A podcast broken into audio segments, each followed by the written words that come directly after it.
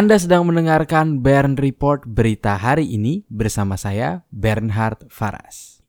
Berita ekonomi dan bisnis. Berita pertama, Sri Mulyani tak tutup opsi suntik modal ke Jiwasraya.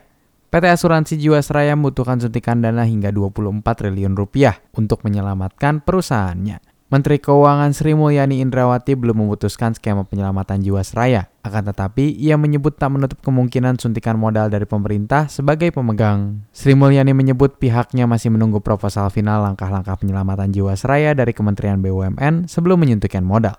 Kita kedua, kartu prakerja akan segera diluncurkan.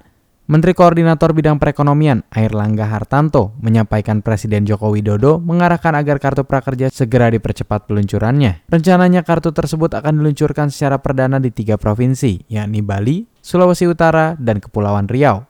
Air Langga menyebut kartu prakerja akan mulai dirilis pada bulan Maret 2020. Berita ketiga, pemerintah akan hapus pajak hotel dan restoran selama enam bulan.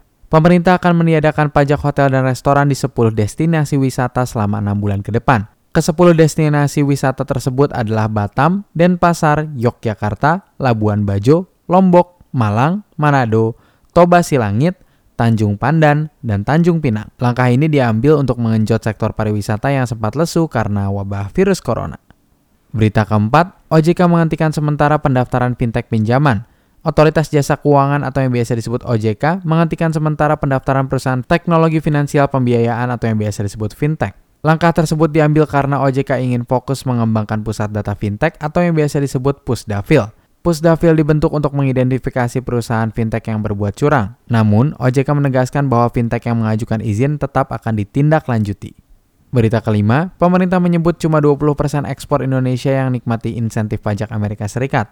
Menteri Koordinator Bidang Perekonomian Air Langga Hartanto menyatakan selama ini fasilitas Generalized System of Preference atau yang biasa disebut GSB hanya diberikan untuk 20% dari total komoditas Indonesia yang diekspor ke Amerika Serikat. 80% komoditas Indonesia yang masuk ke Amerika Serikat dikenakan bea masuk. Seperti diketahui, GSP adalah fasilitas insentif pengurangan bea masuk untuk produk yang diekspor ke Amerika Serikat.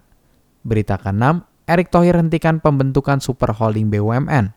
Menteri Badan Usaha Milik Negara atau yang biasa disebut BUMN, Erick Thohir, menyatakan bakal menghentikan rencana pembuatan super holding BUMN ia menyebut nantinya pemerintah hanya akan membuat subholding BUMN berisi pengelompokan atau klaster perusahaan BUMN. Ia menyebut pengelompokan tersebut akan mempermudah pengawasan terhadap perusahaan BUMN yang jumlahnya banyak. Rencananya, pemerintah akan membuat 20 klaster BUMN. Klaster tersebut nantinya akan diawasi oleh dua wakil menteri BUMN. Untuk teks dan sumber berita selengkapnya dapat Anda lihat di website www.bernhardfaras.com. Terima kasih sudah mendengarkan Bern Report berita hari ini.